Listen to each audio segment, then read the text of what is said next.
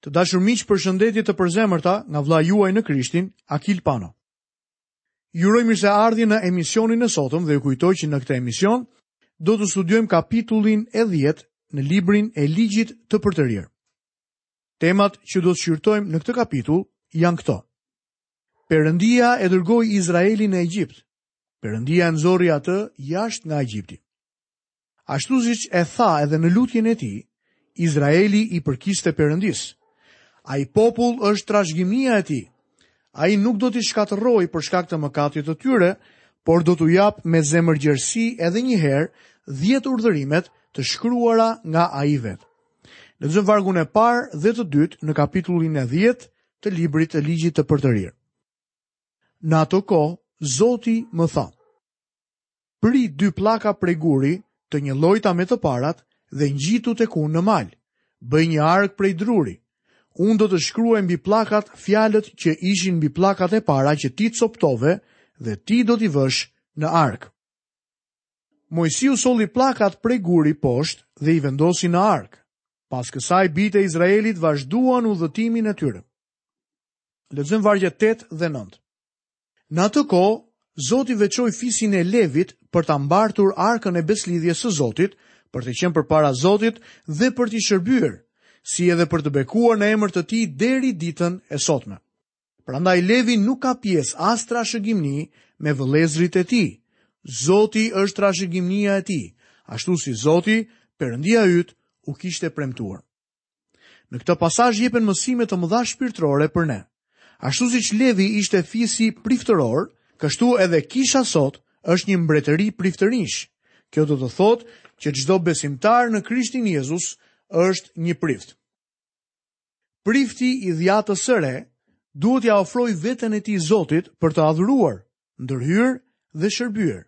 Ai duhet të ushtrojë dhuntinë e tij si prift sipas letrës së parë të Korintasve, kapitulli 12. Çdo besimtar si prift ka një dhunti për të ushtruar në kishë. Vini re se si fisi i Levit nuk kishte trashëgimni materiale. Perëndia ishte trashëgimia e tyre.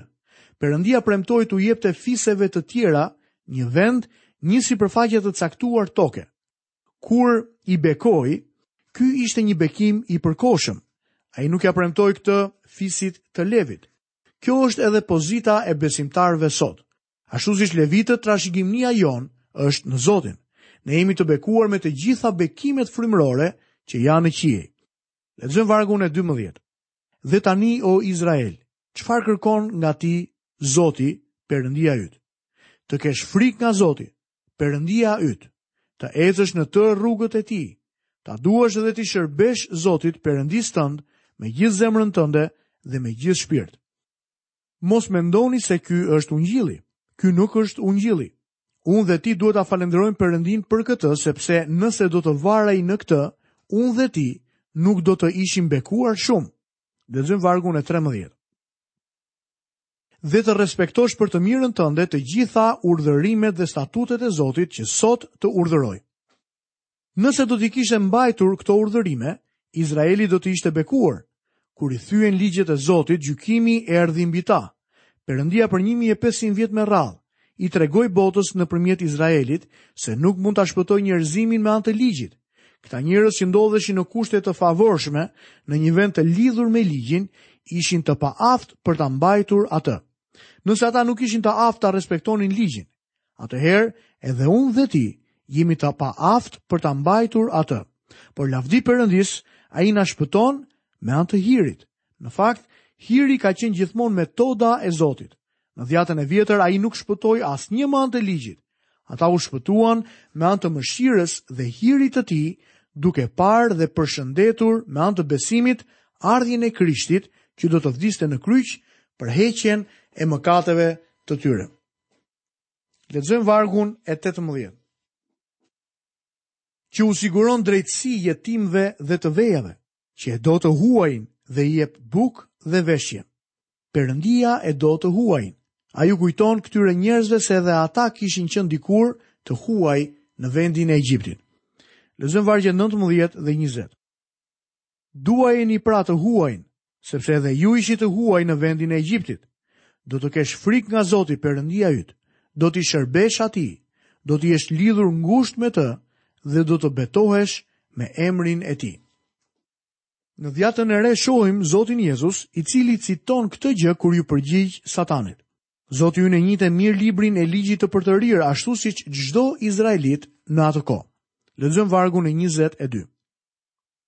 Etërit e tu zbritën në Egjipt në një numër që nuk i kapërcente të 70 personat. Dhe tani, Zoti Perëndia yt të ka shumëzuar si yjet e qiellit. Bekimi i Zotit ishte mbi ta. Ai i dërgoi ata në Egjipt dhe më pas i nxori jashtë. Perëndia ishte përgjegjës dhe nuk kishte ndërmend të lirohej nga ajo lloj përgjegjësie. Këtu kemi përfunduar kapitullin e 10 dhe fillojmë menjëherë studimin tonë mbi kapitullin e 11. Temat që do të shohim mbi këtë kapitull janë këto: Vendi i premtuar ndryshe nga Egjipti dhe principi i zotërimit të tokës. Perëndia këtu po u flet izraelitëve për vendin në të cilin do të hynin. Vendi i premtuar nuk do të ishte si Egjipti. Perëndia u jep atyre principet për zotërimin e tokës. Lexojmë nga ligji i përtërirë kapitulli 11, vargun e parë. Duaje pra Zotin, Perëndinë tënd, dhe respekto gjithnjë rregullat e tij, statutet e tij, dekretet e tij dhe urdhërimet e tij. Bindja është përgjigjja ndaj dashurisë së Zotit.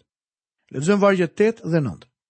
Respektoni pra tërë urdhërimet që unë po ju jap sot, që të jeni të fortë dhe të mundni të pushtoni vendin që po bëheni gati të zotëroni, me qëllim që t'i zgjatni ditët tuaja në vendin që Zoti u betua t'ua japë etërve tuaj dhe pasardhësve të tyre, një vend ku rrjedh qumësht dhe mjaltë. Ata ishin mësuar të vadisnin fushat në Egjipt. Lexojmë vargun e 10. Mbasi vendi në të cilin jeni duke hyrë për ta pushtuar, nuk është si vendi i Egjiptit prej të cilit keni dalë, ku mbillnit farën tuaj dhe pastaj vaditnit me këmbën tuaj si një kopsht perimesh. Kur kam qenë në Egjipt, më thanë se reshjet e shiut ishin më të pakta se dy centimetra në vit. Pra në atë vend nuk kishte shumë reshje. Më ka rënë rasti të jem në vende të tilla ku reshjet e shiut janë mbi 254 centimetra në vit. Këtu kemi një ndryshim të madh. Me sa duket begatia e Egjiptit varej shumë nga vaditja artificiale e tokës. Lexojmë vargjet 11 deri në vargun e 15. Por vendi ku jeni duke hyrë për ta pushtuar është një vend me male dhe lugina që thith ujin e shiut që vjen nga qielli, një vend për të cilin Zoti, Perëndia yt, ka kujdes dhe mbi të cilin janë drejtuar vazhdimisht sytë e Zotit Perëndisë tënd, fillimi i vitit deri në mbarimin e tij.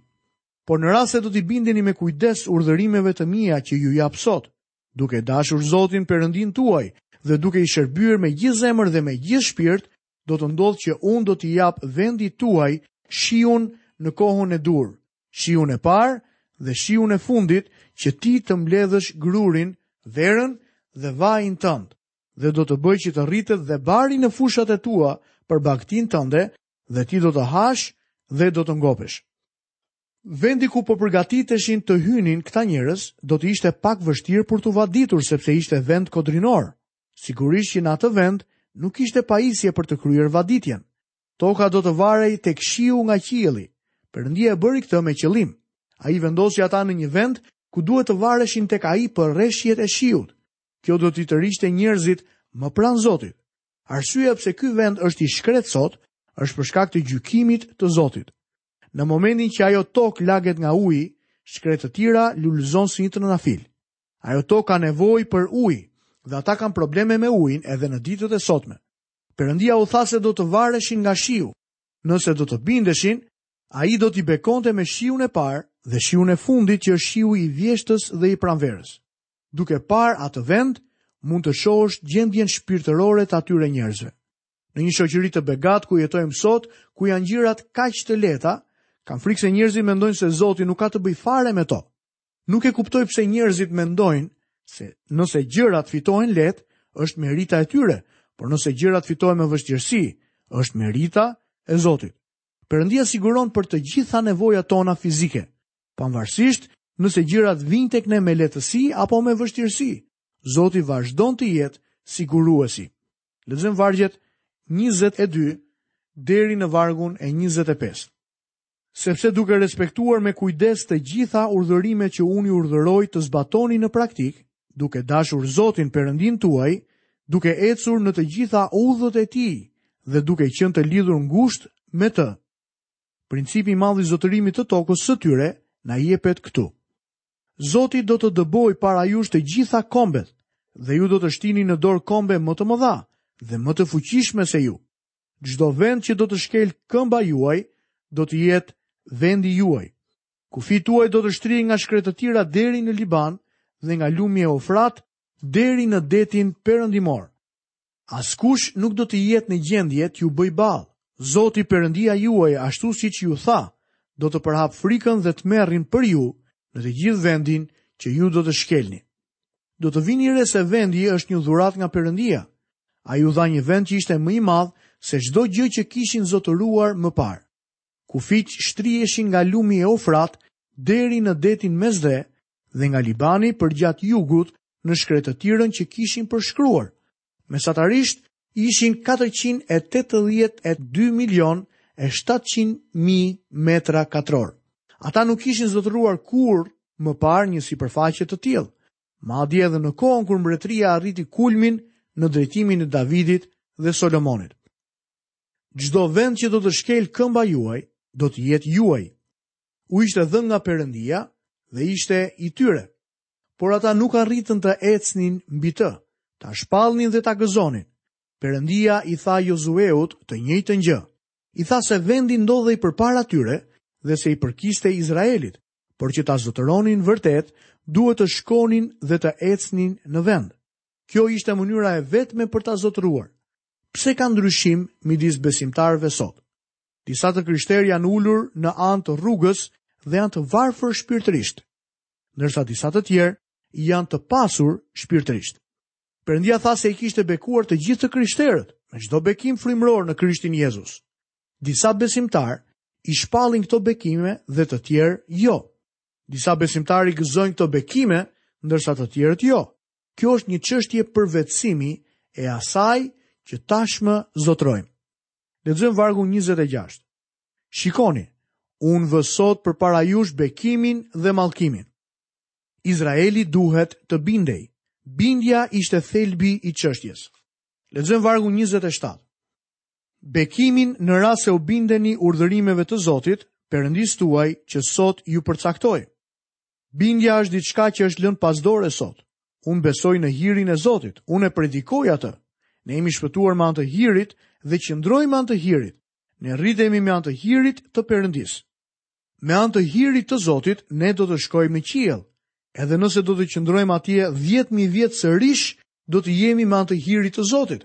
Por miku im ka disa bekime shpirtërore për ne sot që mund t'i humbasim nëse nuk i bindemi atij.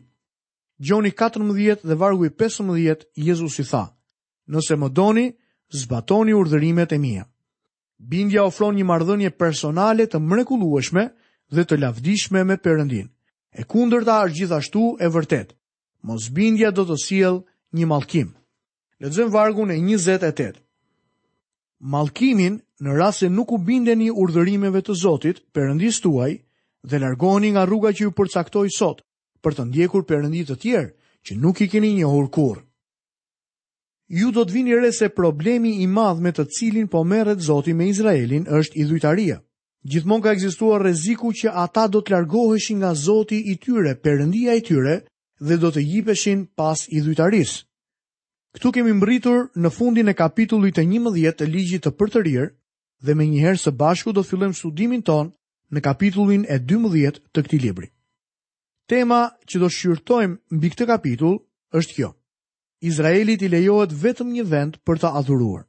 Më vonë, në historinë e Izraelit, Perëndia zgjodhi Jeruzalemin si vendin ku do të ndërtohej tempulli. Ata duhet të shkonin atje për të adhuruar Zotin. Përse nuk lejoi Zoti adhurimin në çdo vend tjetër?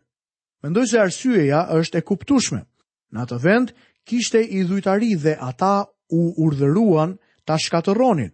Për shkak se nuk e shkatërruan, u urdhëruan që të mblidheshin në një vend për të adhuruar. Kjo gjë bashkonte adhurimin e tyre dhe i sillte më afër si komb. Kur shkonin në Jeruzalem për festa, ata ishin një. Në ditët e sotme, Nuk kemi nevojë të mblidhemi në një vend për të adhuruar Zotin. Zoti Jezus i tregoi gruas samaritane arsyen pse kjo gjë është e vërtetë. Jezusi i tha: "O grua, më beso, vjen ora që as mbi këtë mal, as në Jeruzalem nuk do ta adhuroni Atin. Ju adhuroni atë që s'e njihni, ne adhurojmë atë që njohim, sepse shpëtimi vjen nga judenjtë. por vjen ora, madje ajo ka ardhur që adhuruesit e vërtetë ta adhurojnë atin në frymë dhe në të vërtetë, sepse të tillë janë adhuruesit që kërkon ati. Perëndia është frymë dhe ata që e adhurojnë duhet ta adhurojnë në frymë dhe në të vërtet. Besimtarët sot nuk mblidhen në një vend për të adhuruar Zotin. Ne mblidhemi rreth një personi që është Zoti Jezu Krisht. Kjo është gjëja e rëndësishme që duhet të mbajmë në mend. Emri i kishës tënde nuk ka rëndësi. Denominacioni ose mungesa e tij nuk ka rëndësi. Çështja e rëndësishme është kjo. A mblidheni rreth personit të Jezu Krishtit? A është ai personi më i shtrenjtë në jetën tuaj? A është ai qendra e besimit tuaj? Nëse nuk e bëni këtë, atëherë të gjitha të tjerat janë idhujtari, sepse ju po mblidheni rreth diçkaje që zëvendëson Krishtin. Nëse mblidheni për shoqëri apo për argëtim, atëherë kjo gjithashtu është një lloj idhujtarie. E vetmja gjë që duhet të na mbledhë së bashku dhe të na bëjë një është personi i Jezu Krishtit. Kjo është më e rëndësishme. Pasi ne do të përfundojmë studimin tonë mbi kapitullin e 12, pra mbi këtë kapitull të cilin sapo e kemi nisur, ju kujtoj që do të fillojmë studimin tonë mbi kapitullin e 13 dhe temat që do të shqyrtojmë mbi këtë kapitull janë paralajmërimet kundër profetëve të rremë dhe testi për ta. Ky kapitull, pra i 13-ti, është një kapitull i rëndësishëm sepse trajton profetët dhe perënditë e rreme. Kur të mbërrijmë më vonë te kapitulli tetëmbëdhjetë, do të shohim testin që identifikon profetët e rremë.